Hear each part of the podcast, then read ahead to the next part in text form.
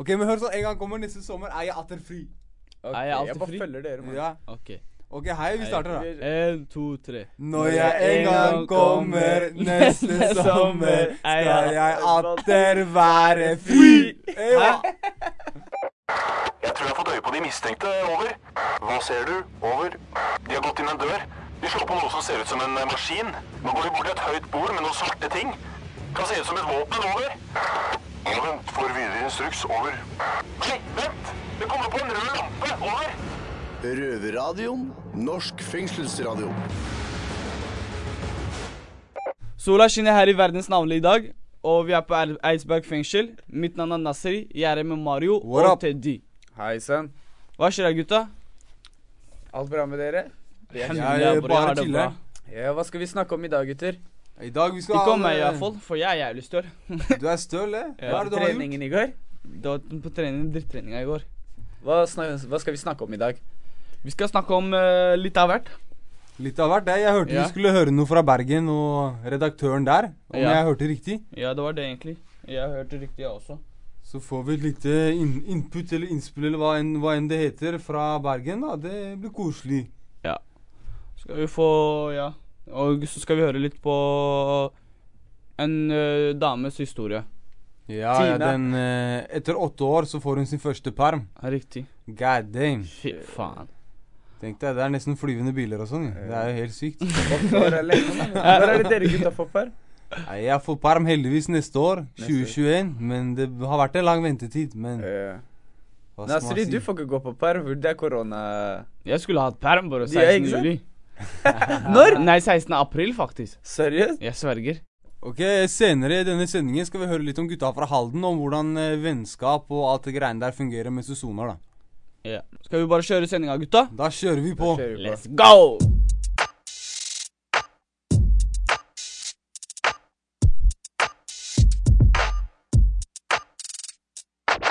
Vi skal fly over de store fjellene til Bergen. Der vi skal høre om et hyggelig gjenforening om eh, etter koronatiltakene. Ja, herlig om, ikke sant?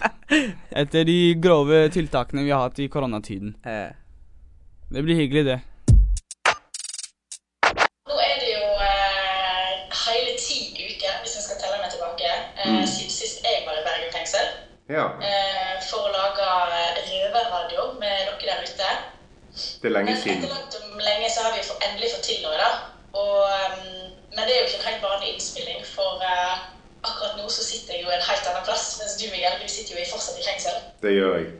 Men det var veldig kjekt å endelig kunne lage litt røverradio igjen, da, selv om det må gjøres over video. Ja, det er veldig kjekt. Og det er Altså, endelig får vi gjort, gjort noe her, sant. Det er Vi har vært nå på standby, som du sier, i ti uker uh, uten noen ting. Noen form for program eller uh, Så, så det, det var veldig kjekt å kunne begynne begynne på'n igjen. Det er veldig, veldig kjekt å høre. og Det er samme, samme her. Men det er jo ikke alle som på en måte vet hvem jeg er. da. Det er jo ikke et, eh, ei stemme du hører veldig ofte på Røverradioen. Men jeg er jo da Ruth Marie og er produsent og ansvarlig for produksjonen i Bergen. da. Mm. Oppi mine egne tanker om dette med sjølisolasjon og holde seg hjemme og på en måte være avskåret fra venner og, og kjente, da, så tenkte jeg jo egentlig veldig på dere. fordi at dere som sitter i fengsel, er jo, det er jo en veldig hverdagslig situasjon å ikke kunne få snakke med familie og venner og ha det vanlige livet på utsida. da.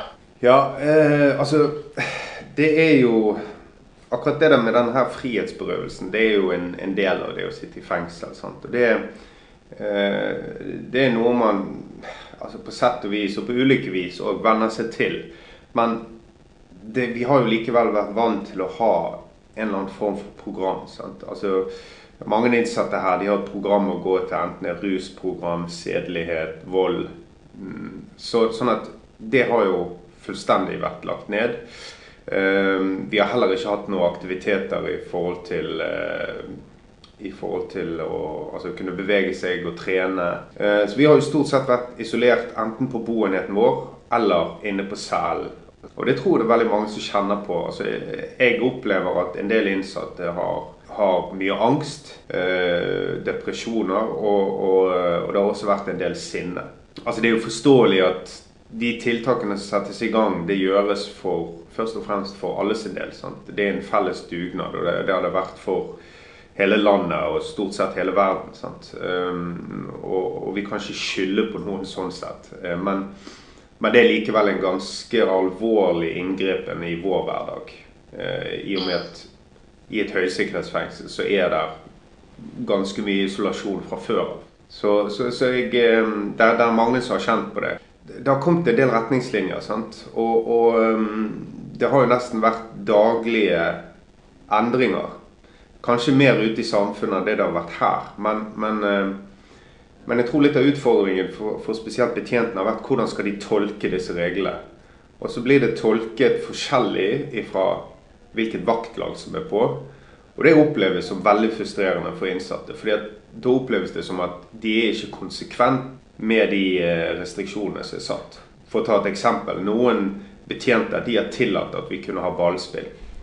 Og så kommer det et nytt vaktlag dagen etterpå, og da er det fullstendig ulovlig. Sånn at det, det, er, altså, det høres ut som en liten greie å kunne få bruke en ball, men det er en av de få tingene som vi har av og til kunne gjøre her inne.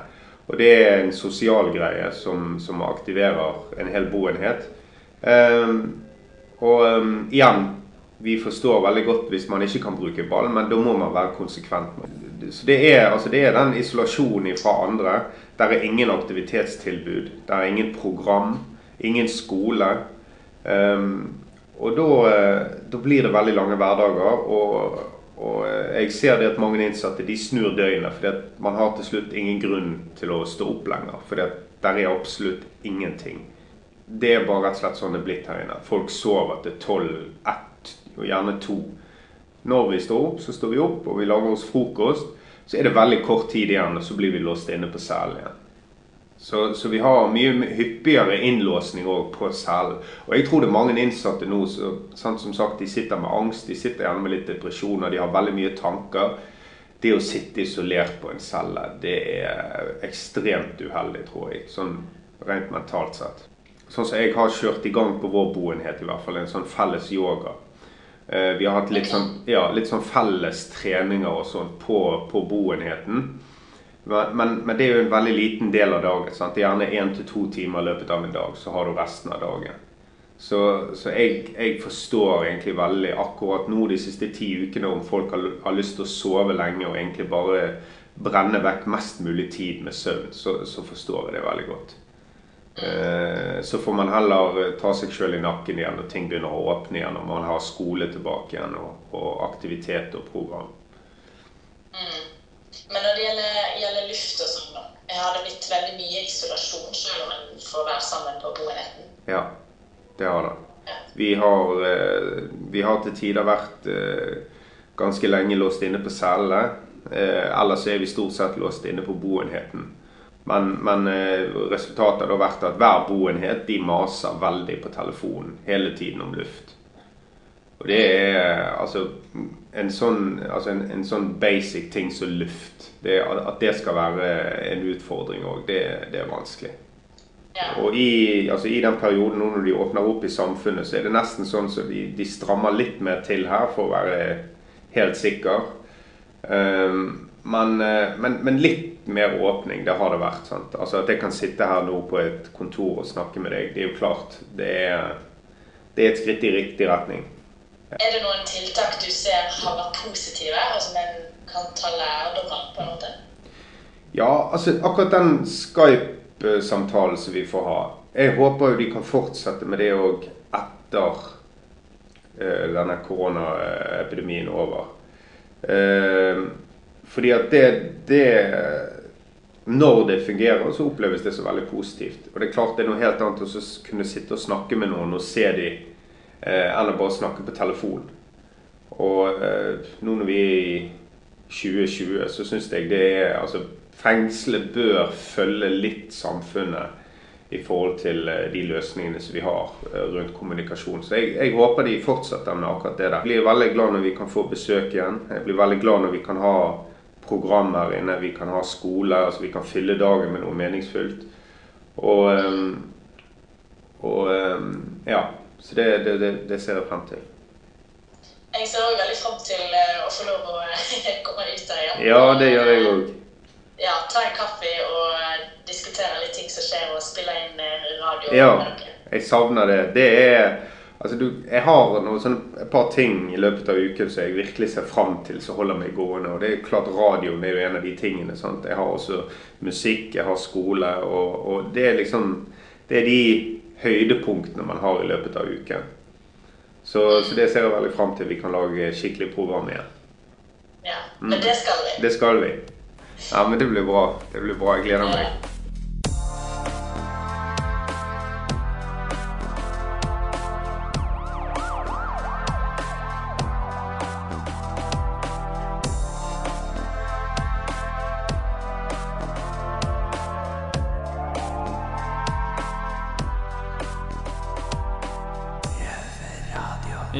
Da hørte vi fra uh, å si Bergen fengsel. Riktig. Jeg holdt på å si Eidberg. Eidsberg. Soniskala, vet du. Ja, i hvert fall vi her på Eidsberg, vi er heldige som får gå på røverradioen og Ja, Vi har jo litt mer tilbud da enn de der i Bergen. Vi, ja. Ja. Som sagt, vi får jo være her. Vi har jo lufting, vi har skolen fellesskap, skole. Men skole er ferie nå. Ja, det jo nå. Så det blir jo litt lite av det. Riktig. Og uh, vi har klart oss jævlig bra i forhold til eh, andre fengsler. Det er bare, jeg syns det er bare Halden som har det enda bedre enn oss. Det er det. Det er det. Men vi overlever, vi også. Du vet. Ja. Vi Men, kunne hatt det eh, verre. Vi kunne hatt det verre, ja, riktig. Men nå skal vi over til Bredtvet kvinnefengsel. Der vi skal høre fra Tina, som har vært på sin første perm på mange, mange år. Ja, det er sant. Og hun satte seg ned på cella og reflekterte over hva hun opplevde i sitt første permisjon.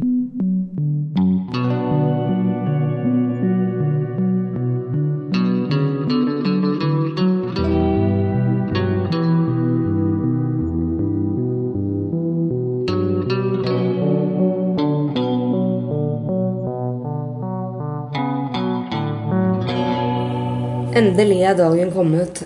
Etter åtte lange år på svenske og norske kriminalomsorgsanstalter er jeg nå blitt betrodd med egen permisjon. På egne bein for første gang på noe som føles som en evighet har jeg sommerfølger i magen når jeg henter ut visakort og annet i portvakta. Sola stråler på himmelen denne marsmorgenen, og jeg rusler ut av porten på Bredtvet kvinnefengsel med kurs for T-banen. Vel, der står jeg lettere forvirra foran billettautomaten og tenker at eh, jammen har ruttet forandra seg voldsomt på de åra jeg har vært borte. På denne oppgraderte automaten prates det om soner, og den ber meg ta stilling til saker jeg ikke helt har begrep om.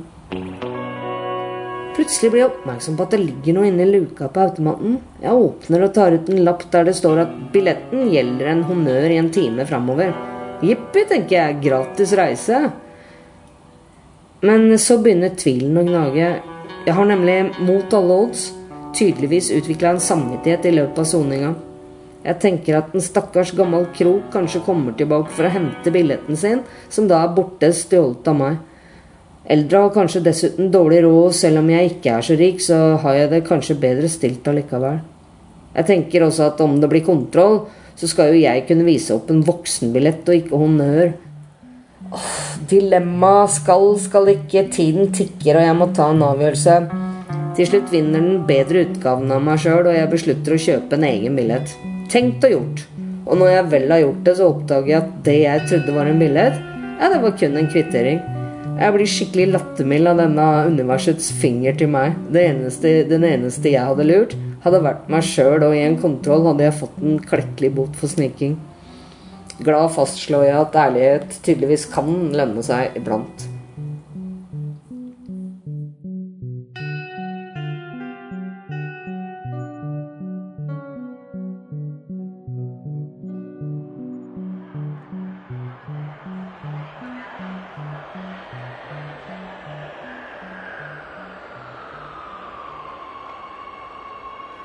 T-banen kommer, og jeg går på med min splitter nye ærlige billett. Dagen er 5. mars. Koronaen har begynt å svirre i lufta, en uke senere stenger Norge ned. Jeg kjenner at jeg har blitt påvirka av alt snakk om sykdom, så jeg er påpasselig med å ikke sitte for nær andre passasjerer.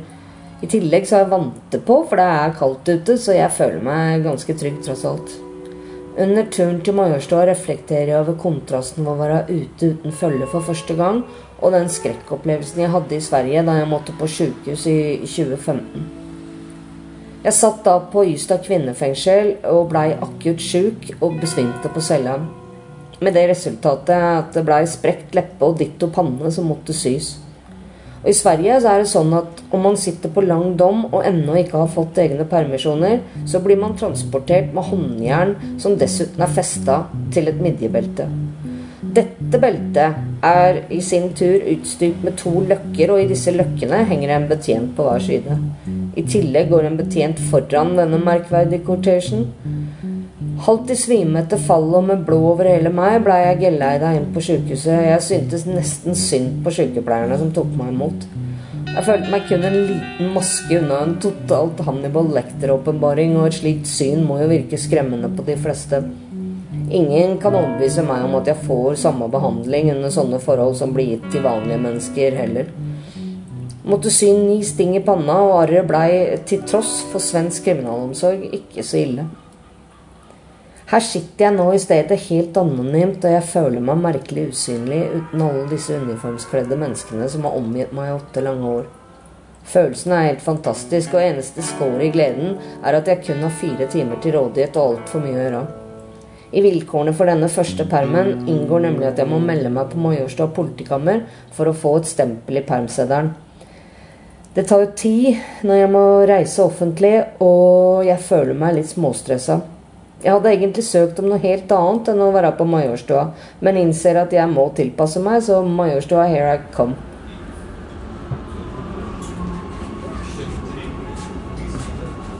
Toget bremser inn på stasjonen, og jeg går av. Jeg føler meg fremdeles litt stressa, samtidig som jeg funderer over hvor annerledes det føles å på egen hånd orientere seg i bybildet igjen. Politistasjonen den har jeg vært på før, så akkurat den er lett å finne. Litt tur i uturen der, kjenner jeg. Jeg går inn på stasjonen og fram til skranken i ekspedisjonen. Jeg, jeg, jeg, føler litt ubehagelig over å måtte utbasunere hvorfor jeg er der, så jeg kikker meg litt diskré over skulderen for å sjekke om det er noen bak meg. Jeg konstaterer dog letta at hallen er tom, og jeg forteller snuten bak skranka hva jeg behøver. Ikke noe problem der. Jeg får et stempel i permseddelen og toger ut av stasjonen. Vel utafor tenker jeg at nå er endelig resten av tida mi. Det er bare så deilig å være ute på egen hånd. Helt anonym, og det gir meg en frihetsfølelse uten like.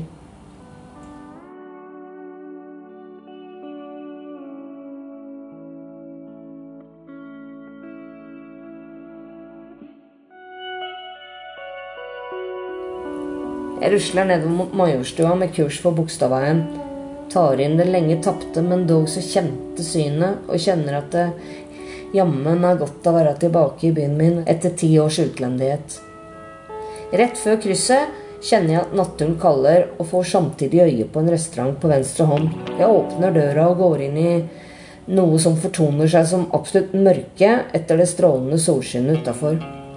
En kelner åpenbarer seg, og jeg spør om å få låne fasilitetene. Han peker på en trapp, og jeg går opp. Der oppe begynner jeg å dra kjensel på sted, og det, det går opp for meg at jeg har havna på en veldig kjent bule. Det var her, i disse tussmørke lokalene jeg hadde tilbrakt de siste fem-seks månedene jeg var i Oslo. Tragisk å tenke på nå at jeg satt der dag ut og dag inn og bøtta alkohol. Jeg er bare så glad at det ikke lenger er livet mitt. Selv om det livet jeg har for tilfelle har masse begrensninger, så er i alle fall jeg nykter og i stand til å nyte en solskinnsdag. Neste punkt på agendaen er å kjøpe en telefon, så jeg går mot Claes Olsson. Inne i butikken spotter jeg en ledig ekspeditør. Jeg forklarer hva jeg behøver, og han forteller meg om en Nokia på tilbud. Og jeg blir skikkelig glad. En gammeldags telefon med knapper det kan selv en tech-idiot som jeg klare, eller, eller i hvert fall så trodde jeg det. Etter utallige forsøk på å få opp dekselet for å sette inn batteri og det nye SIM-kortet mitt, eh, innser jeg begrensningene mine og løper tilbake til Claes Olsson for å be samme ekspeditør om hjelp. Han fikser heldigvis biffen, og nå har jeg plutselig en operativ telefon til rådighet. Jeg kan ringe hvem jeg vil, uten at det sitter en fengselsbetjent og lytter på samtalen. Da går det opp for meg at de telefonnumrene jeg vil ringe, ja, dem ligger jo på Bredtvet. Fordi at sist jeg kjøpte en telefon, så måtte batteriet lades et halvt døgn før man kunne bruke telefonen, så jeg var helt uforberedt på denne plutselige bonusen jeg har i hånda. Innser at telefoneringa får vente til neste perm. Tida tikker, og jeg vil gjerne spise noe godt jeg ikke får til daglig, så jeg går inn på Deli di Luca og kjøper ferske bakevarer og italiensk iskrem. Finner en plass ved vinduet og setter meg ned for å nyte og titte på folk og fe. Utafor vinduet åpenbarer seg plutselig tre figurer som helt klart har vært ute mer enn en vinternatt før. Småslitne og rufsete i kanta går de rundt og plukker opp søppel med lange klyper. De ser ikke ut til å mistrives, jeg tenker bra for dere gutta, greit å ha noe å gjøre, liksom. Under andre omstendigheter kunne det kanskje vært jeg som gikk der og plukka, men nå sitter jeg i stedet her inne, varm og anonym og normal. I hvert fall utapå.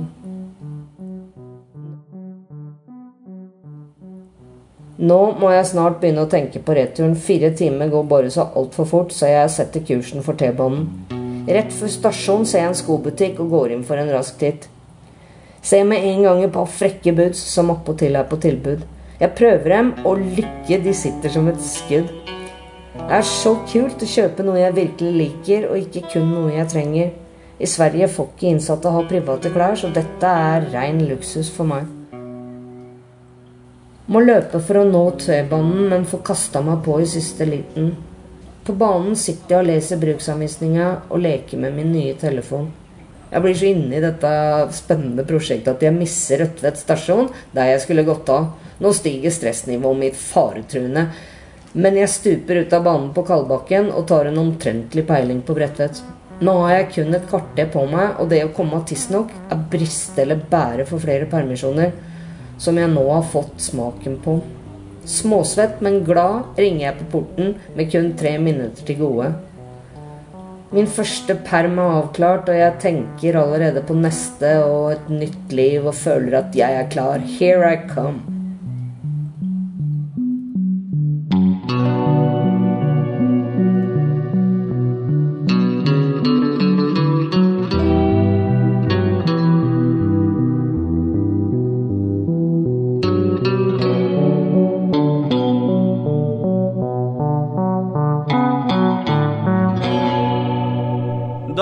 Fra Tina på Bredtvet kvinnefengsel. Uh, musikken i innslaget er laget av Trond uh, Kallevogn Hansen. Uh, Mario, Ja, du har jo sittet her uh, to og et halvt år eller cirka. Det er riktig. Når har du permisjon, da? Jeg har perm til neste år, 2021. Da har jeg sittet i tre år. Tre år. Og eh, du har sona siden du var 18 år. Det er riktig. Kompis, hvordan tror du det kommer til å føles når du kommer ut? Oi, oi, oi, oi. oi. Den, eh, den tanken, det har, jeg- eller det har jeg tenkt på mye, da. Det, jeg gleder meg, men jeg gruer meg også, fordi det kan være skal jeg si, da? Jeg har ikke vært ute da på tre år. Ja. Så mye nye ting. Helt ærlig, jeg vet ikke. Det, kanskje det krasjer litt, kanskje som, som vi hørte fra Tina fra eh, Hva heter det? Bre- Bredtvet. Kvinnefengselet fra Tina, ja. Ja, da, jeg tror kanskje jeg får litt av samme opplevelsen, da. Bare ikke det der med telefonen. Heldigvis jeg er jeg litt oppdatert der, så jeg tror det skal gå bra, da. Sånn alt i alt. ja. Plutselig Jeg tror nok du kommer til å Hvis du kommer ut sommertida, så kommer du til å se noen Oi, oi, oi. 15-16-14-16-åringer løpe rundt med maisue, hvis du vet hva det er. Det vet jeg faktisk ikke, altså. Det er en uh, greie man står på, Ja. og, og den kjører. Og uten noe ratt, uh, ratt eller noen ting. Nei, det er for uh, Hva skal jeg si high-tech for, for meg, altså. Jeg begynner å føle meg litt gammel, jo. Ja. Vi tar rv. 22 fra Eidsberg fengsel til Hallen fengsel, der vi møter Per, Martin og Christian. Og vi har en liten samtale om venner, rel relasjoner spesielt, man har under soninga.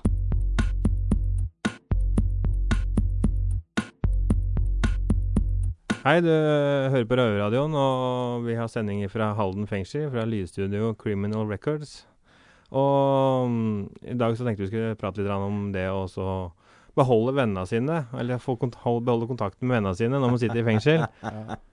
og med meg i studio så har jeg med meg Christian og Martin. Hei, hei, hei. Hva som skjer? Hva tenker dere, gutta? Nei, det, det er sånn Det Du Det er ikke lett, ass, Nei. for å si Nei. det sånn, da. det er, det er sånn som blir sagt òg. Det er da du finner ut hvem som er eh, vennene dine. Det er det. det Jeg kan ta en historie da, som jeg hadde for et par uker siden. Jeg blei 25 år. Jeg, hadde, jeg skulle få besøk av en venninne av meg. Og så Og så bestiller besøk og alt sammen. Vi sier 'Martin, kan du bake kake, og det er bursdag?' og sånn. Jeg sier ja, ikke noe problem, jeg fikser det og sånn. Og så kommer jeg ned i besøket. Jeg sitter der en halvtime, men jeg kommer ikke. Nei. Skjønner du? Er, og jeg følte meg så svikta, da, skjønner du, og forlatt, da. Aldri Ja. følt meg så forlatt før, skjønner du. Som jeg gjorde da. Da skjønte jeg virkelig Det er familien din, det er de eneste som er der for deg, da. Fuck alle andre, nesten. Ja. I hvert fall når du sitter i fengsel. Mm. Da ser du faktisk hvem vennene dine er, da. Mm. Du Helt er riktig. heldig Mm. hvis du har én kompis som Mm. stiller opp for deg og sender Ja. deg klær, penger, eller spør familien din åssen det går. Du er heldig hvis du har én kompis. I hvert fall to, da. Det er helt sykt hvis du har to kompiser som stiller opp for deg. deg. jeg følte jeg ble heldig akkurat nå, kjente jeg. Ja. Du Da er du heldig. Ja. Nei, men Det er faktisk veldig sant. Er, du blir fort glemt. Jeg er sikker på halvparten av en f- Milje eller gjengen øh, eller folka jeg fløy med da, før putteren, og halvparten vet, tror jeg ikke engang vet at jeg er her. Nei. Og så har det er noen liksom, Men det er ingen, ingen som har spurt mamma eller prøvd å sende meg brev eller tatt noe kontakt eller hjulpet meg på noen, noen som helst måte. Unntatt de som jeg, kameratene mine som jeg hadde fra jeg var øh, Når jeg starta det greiene her, da. Var tolv år, liksom. Og de Mm. begynte å være litt uh, småkriminelle, de men de valgte en annen vei etter å ha prøvd en stund, da, mens jeg fortsatte. Og de, alle de har jobb nå. Damer, koner, hus, faste jobber, bra jobber. Mm. Dem har jeg fortsatt kontakt med. og det er, det er sånn det er fire gode kompiser, og vi kommer alle til å miste kontakten. Og vi, Ja. Om jeg ikke har snakka med dem på to-tre år, og jeg tok kontakt med dem her i fengselet og ringte, og vi preka på telefonen akkurat som vi traff hverandre dagen før, liksom. Mm. Og det er et par av dem har jeg liksom, men eh, av de folka som jeg trodde, eller så på som venner under fartstida, er Men det er kjedelig å bruke mange år nå. Det blir jeg eldre, jeg er 40 år, ikke sant. Og så skal du liksom, da er jeg ute av fengselet, jeg er 4-45. Og så skal du begynne helt på nytt igjen, og så har jeg liksom gått glipp av mye, Mye, ja. sånn økonomisk, da. Og, og unger og Det har jeg ikke, da, men eh, den Nei, tida blir jo borte nå nå. Jeg blir for gammel, liksom, sånne ting. Ja. Så det er konsekvenser man uh, har med å leve sånn der fritt og være litt cowboy. ja, Så Christian, du som skal ut nå om et år, det er fortsatt håp for deg. Ja. helt riktig. Det er det. Helt riktig. Og så er det en annen ting også som er folk bør eh, ta til seg, det er familien din, da. Det er faen meg det viktigste. Ja, ja. Hadde det ikke vært for familien som min, så veit jeg ikke hva jeg ville gjort nå, liksom. De stiller opp uansett hvor mye jævelskap jeg har gjort, eller hvor mye jeg har herja rundt, da. Ja. Og, og hvis det er noen jeg har skuffa eller vært kjip mot, så er det faen meg familien, altså. Mm. Og de er, de er, er der fortsatt. ja, ja. Og du Det, kan er, det setter jeg pris på. Det er det viktigste for meg. Ja. altså. Og du ser jo det, det jeg så i starten, da. Kompisene mine, de Noen av de, to-tre stykker av de var flinke. da, De stilte opp, sendte klær, penger. 'Martin, hvordan går det?' Men nå som tida har gått, nå som jeg har sittet lenger og lengre Nå har pengene begynt å slutte å komme, det har sluttet å komme klær. Jeg ringer dem, ingen svar, ikke sant. Folk begynner å glemme deg etter å ha sittet en viss tid i fengsel, ikke sant. Ja. Eneste, og det eneste som er der, det er helt riktig, Kristian, det er familien din. Ja. Mm. Til syvende og sist er det de som bryr seg om deg. Helt klart. Det er helt klart, da. Og det er noe du legger sterkt merke til, da. Og det er noe som vel du fort glemmer, da. Når du er ute og ruser deg eller driver med kriminalitet, så driter du kanskje litt i familien din. Og det er, det er en ting jeg angrer jævlig, på, liksom, at jeg har gitt så faen. da. Jeg er blitt overraska fått litt en del besøk av noen venner eh, i løpet av Jeg har vært der åtte måneder. Jeg fikk plutselig besøk her nå forrige uke av en kompis jeg ikke har snakka med siden jeg kom inn hit. Jeg har ikke ringt han, jeg var dårlig på det. Ja, Men plutselig så kom han hit og besøkte meg. og Det er jo positivt, da. Ja, det var veldig gøy. altså Det var veldig koselig. Så det var egentlig veldig overraskende koselig egentlig å få besøk av en kompis som ikke har sett på lenge, som ikke har forventa å høre noe fra, egentlig. Sånn sett. Så har jeg ikke tatt noen kontakt sjøl heller. Da er du heldig, da, som har venner som stiller opp for deg. Ja. Men jeg ser jo det, jeg har hørt flere sier det, at man kan miste den kontakten etter hvert som tiende, tida går, da. Mm. Mm. Ja. Men hadde dere noe mer på hjertet nå? Nei. Det var det vi hadde fra Halden fengsel. Yes. Peace! Ja, der hørte vi. Ja, der hørte vi jo litt fra Halden eh, fengsel om vennskap og relasjoner fra utsiden. Venner brenner venner. Venner brenner venner, og så Så videre fort du kommer inn, så blir du glemt. Det er jeg helt enig i. Folka er glemmer deg, vet du. Du blir jo historie. Riktig. En, øh, ja. I løpet av øh, den tiden jeg har sittet inne, så har jeg ikke hatt noen venner som har kommet på besøk. Og det er jeg takknemlig for, samtidig som jeg ikke er takknemlig for også. Og grunnen til det er øh, Ja, du finner ut dine ekte venner mens du sitter inne. Det er riktig. Du merker hvem som virkelig er der for deg. Som eh, vi hørte Martin sa. Hvem som sender kroner, klær og ordner da, som støtter deg og er der for deg. Brev bare. Bare et brev også, det betyr mer enn det folk tror, vet du. Yeah. Fordi man får den følelsen at man ikke er glemt. riktig. Men folk tenker ikke det, fordi de har aldri vært i den situasjonen vi er i. ikke sant? Mm. Så det er eh, Hva skal jeg si? Man må oppleve det da for å skjønne mer, det. jeg setter egentlig mer pris på at en, øh, en god venn går til moren min og faren min og sier øh, inshallah eller et eller annet. Han Eller sønnen din åssen kommer. det går med deg. Ja, Akkurat. hvordan går det? Ta vare på familien min mens jeg sitter inne, fordi Fordi det, det Vi gjør jo alt sammen, og vi er jo venner. Men Mm. øh, man er heldig hvis man har to-tre stykker. Det er akkurat det. Men man merker fort, som du sa, hvem som virkelig er der for deg. Ja. Som sagt, venner brenner venner. ja. Du hører på lyden av ekte straffedømte. Røverradio. Hver lørdag på NRK P2 halv fire. Og når du vil som podkast. Noen enkelte mennesker gleder seg, og noen gruer seg til sommeren. Og i hvert fall de som sitter inne og soner. Jeg syns synd på de som sitter i Oslo fengsel. Fordi det er jævlig varmt om sommeren, og det er jævlig kaldt om vinteren. Ok, da setter vi over til gutta i Oslo fengsel, så skal vi høre om de har noen tips på hvordan vi kan takle varmen på cella.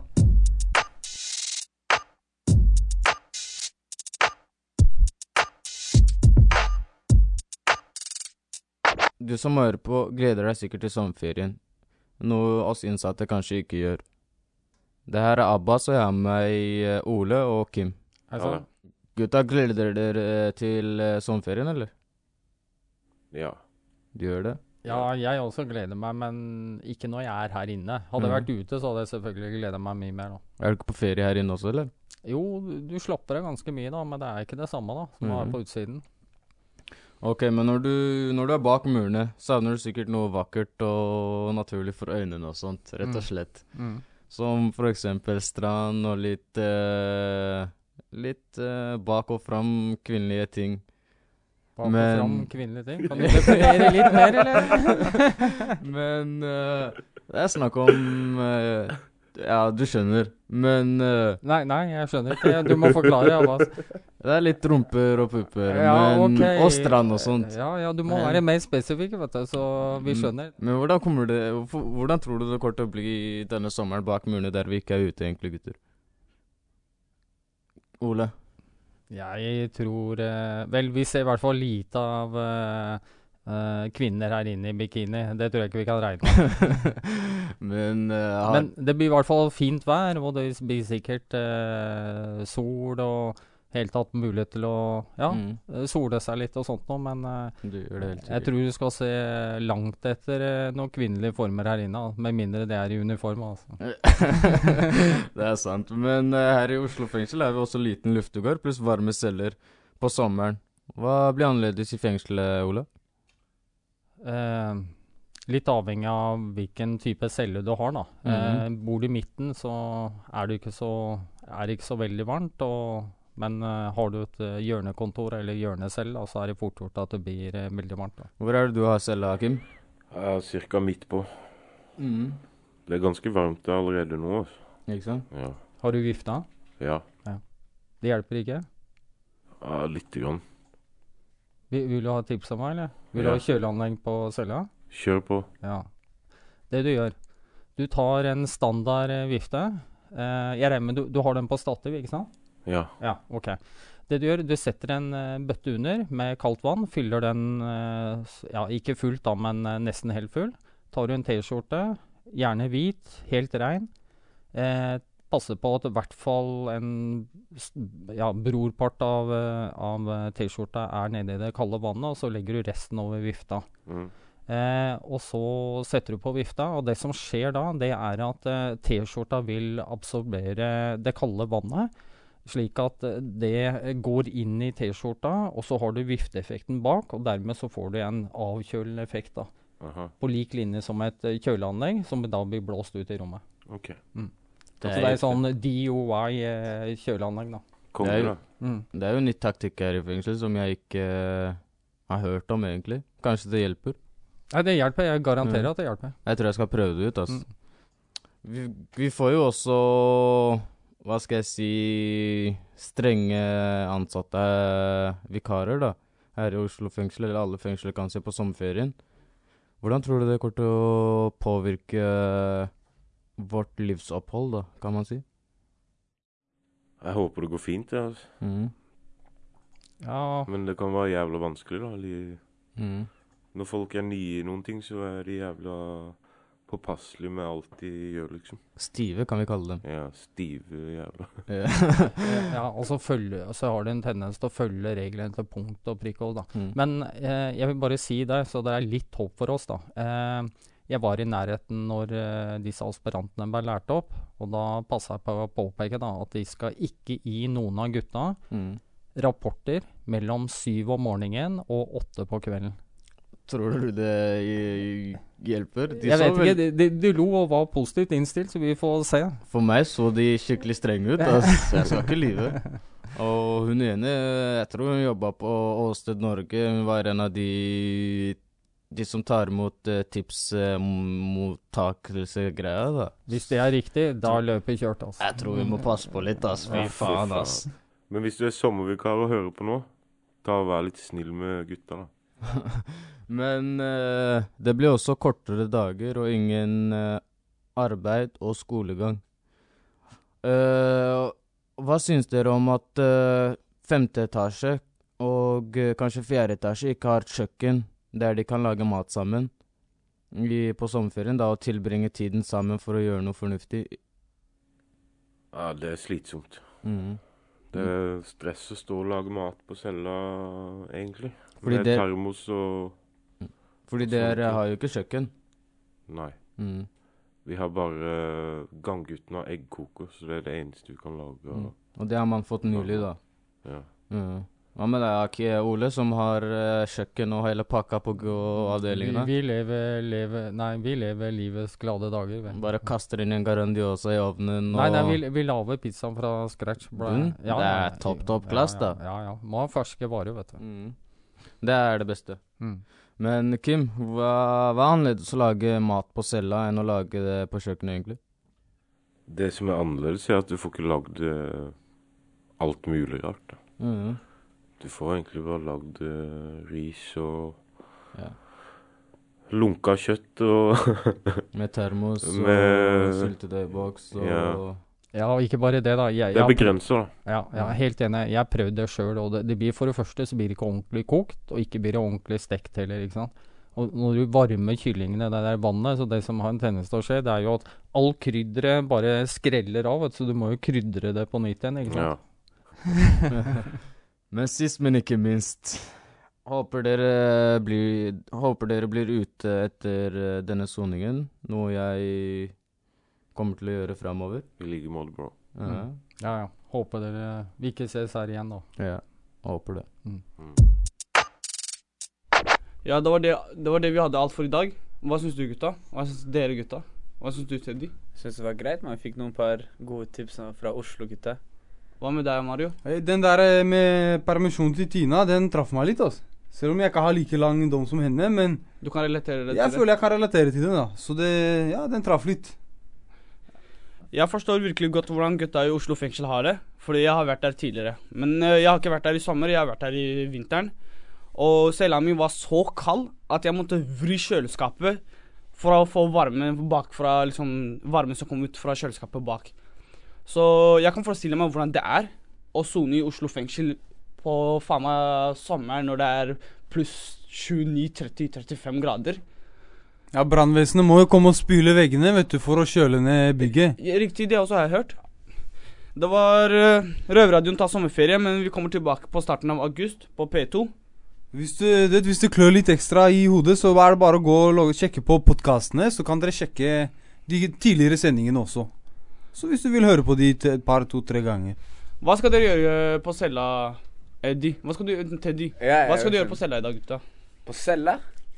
Jeg vet ikke, jeg har leid noen nye bøker fra biblioteket, så vi kanskje lese litt. Men jeg gleder meg ja, mest ja, ja, til ja, ja, eh, ja. luftegården. Vi har den store luftegården i dag, så det skal bli avdeling mot avdeling på fotball. Ok, Hva med deg, da? Jeg vet ikke, Det er ikke så veldig mange planer. da, Se litt på TV. Vi har jo lage sammen noe etterpå, mat. det er bryst og Det blir trening, trene rygg etterpå. Ja, Det, og bryst. det blir bra. Ja. Men bryst jeg trente i dag tidlig, vet du, så det blir bare rygg på meg. Ok. Og fra oss på Røverradioen, fra oss alle sammen på Røverradioen, vi ønsker dere en hjertelig, Hjertelig god, sommer. God sommer, alle sammen! God Kos dere sommer. videre! Når vi en gang kommer neste sommer, skal vi alltid være fri. Gang. God sommer. God sommer. Det har vært stille fra over en time. Hva skjer? Over. Det er bare et radioprogram. Det er lettere å høre på dem der. Over. Ja, vet du når det går, da? Over. Det er samme tid og samme sted neste uke. Over.